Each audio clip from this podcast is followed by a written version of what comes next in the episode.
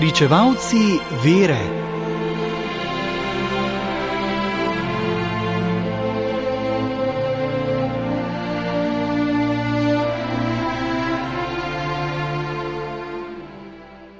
Danes zgodujejo sedmeri sveti ustanovitelji. Njihovo geslo je bilo po Mariji k Jezusu in v njem je povzeto bistvo njihovega prizadevanja za evangelsko življenje. Marija je bila samo vodnica k Kristusu, ki je bil servitom središče življenja.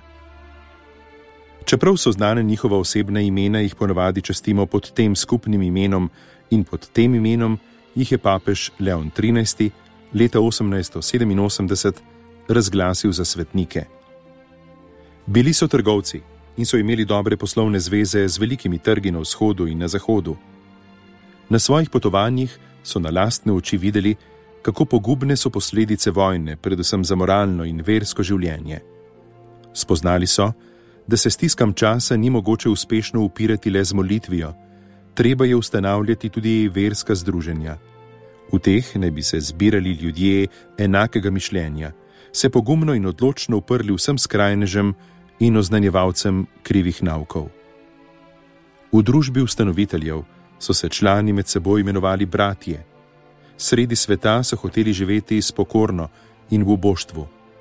V svojih pravilih so poudarjali ljubezen do Boga, iskreno medsebojno ljubezen, ljubezen do bližnjega, krepitev duha z zatajevanjem, premišljevanjem in obilno molitvijo.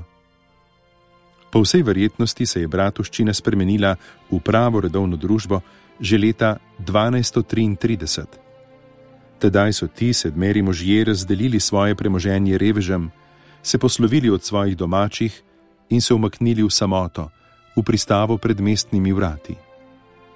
Bližina mesta jih je motila, zato so se preselili na Montesenario, kjer so prebivali v votlinah, se hranili s kruhom, zelenjavo sadjem.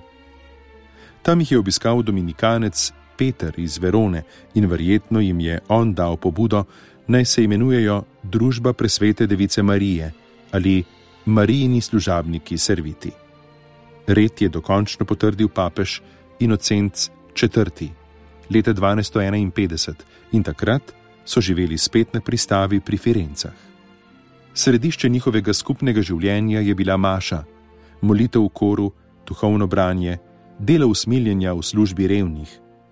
S češčenjem in posnemanjem Kristusa so povezovali češčenje in posnemanje njegove matere Marije, ki so jo imenovali svojo zavetnico ali srednico.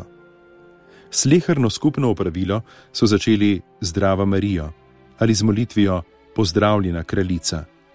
Prvi in poslednji cilj njihove pobožnosti je ostal Kristus sam.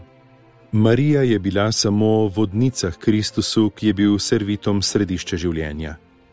Njihov zgled odpovedi je bil za njihove someščane, zlasti za premožne, živo pričevanje za veljavnost in učinkovitost evangelija, kajti trudili so se, da bi čim dosledneje živeli po njem.